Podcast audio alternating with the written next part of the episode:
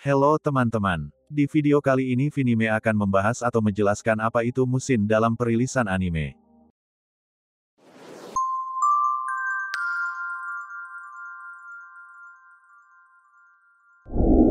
Anime memiliki rotasi sendiri dalam penayangannya.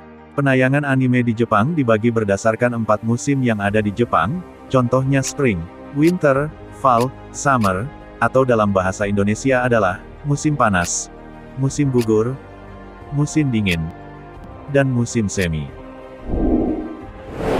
Langsung saja kita menuju ke kuartal pertama, musim anime spring. Anime Spring adalah jadwal rilis kuartal pertama dalam penayangan anime. Spring menandakan musim yang ada di Jepang yang berarti musim semi di mana bunga bermekaran. Rentang waktu anime musim ini dimulai dari bulan Maret hingga April pada tahun tersebut.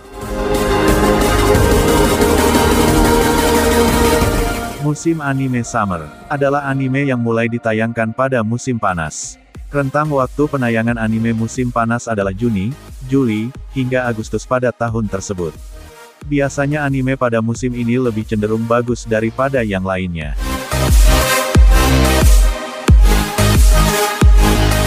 Musim anime fall adalah anime yang mulai ditayangkan pada musim gugur. Rentang waktu penayangan anime musim ini adalah September, Oktober, hingga bulan November.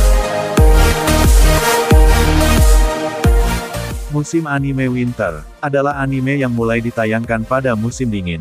Rentang waktu penayangan anime musim ini adalah Desember, Januari, hingga bulan Februari.